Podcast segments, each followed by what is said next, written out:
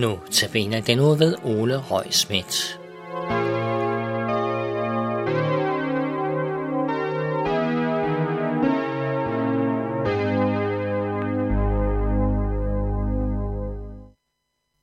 I går var vi sammen om dette, at Jesus har båret al vores skyld, og at han er vores talsmand over for Gud. Udsendelsen sluttede af med dette spørgsmål. Betyder det så, at man bare kan synde videre, som man vil? Jesus har jo taget vores skyld. Og det er præcis det emne, der bliver taget op i 1. Johannes' brev kapitel 2, fra vers 3 og de følgende vers, hvor der står således. Og deraf kan vi vide, at vi kender ham, hvis vi holder hans bud. Den, der siger, jeg kender ham, men ikke holder hans bud, er en løgner, og sandheden er ikke i ham. Men den, der holder fast ved hans ord, i ham er Guds kærlighed i sandhed fuldendt. Deraf ved vi, at vi er i ham. Den, der siger, at han bliver i ham, skylder også at leve sådan, som han levede. Jeg vil gerne allerførst slå fast med syv tommersøm, at når det drejer sig om vores frelse, så er det Jesus og ham alene, der er et sonoffer for vores sønder, for nu at blive i terminologien fra andagten i går. Og vi er helt afhængige af ham, for vi har ikke noget som helst i os selv, som vi kan byde ind med over for Gud, når, det, når det drejer sig om vores frelse. Det taler Paulus en hel del om i Romerbrev kapitel 3. Og om end vi så gjorde aldrig så mange gode gerninger, så kan vi alligevel ikke bidrage med noget som helst. Nej, for selv vores gode gerninger vil også altid være befængt med egoisme. Vi kan kun frelses ved at modtage Guds nåde. Det er en af grundpillerne i det kristne evangelium. Men naturligvis får det konsekvenser for ens liv, hvis man tror på Gud. Hvis man tror på Gud og bekender sig til kristentroen, og så ellers bare lever videre og snyder og bedrager, eller hvad det nu kan være at tale om, som om ingenting var hent, så vil kristenlivet jo helt miste sin autenticitet og sin troværdighed. Og det er derfor, at apostlen Johannes her i vers 3 taler således. Og deraf kan vi vide, at vi kender ham, hvis vi holder hans bud. Den, der siger, jeg kender ham, men ikke holder hans bud, er en løgner, og sandheden er ikke i ham. Altså, hvis man på den ene siger, hvis man på den ene side siger, jeg kender Gud. Jeg bekender mig til den kristne tro. Og så på den anden side ikke holder Guds bud. Så er man en løgner, i hvem sandheden ikke bor. Og det kan vi vel egentlig også godt forstå, at sådan må det nødvendigvis være. Lad mig bruge et eksempel fra hverdagen. For mange år siden holdt jeg et sted med min bil. Den var desværre gået i stå og kunne ikke starte.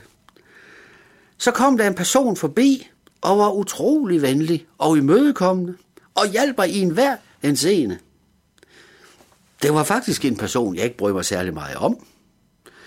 Men det skal jeg love for, at det ændrede sig fra den dag, jeg fik et helt andet forhold til den pågældende. Sådan vil det være i dagligdags almindelige forhold. Det er jo helt indlysende, det vil være sådan. Men hvor meget mere vil det så ikke gælde i vores forhold til Gud? Tænk, at Gud offrede sin eneste kære søn på korset for min skyld. Jamen, hvor uendelig meget mere vil dette da ikke give mig? Et nyt forhold til Gud. Et forhold, hvor jeg elsker Gud, og hvor jeg ønsker at holde hans bud og holde fast i hans ord. Hvis det ikke er tilfældet, så vil jeg jo fremstå som en løgner.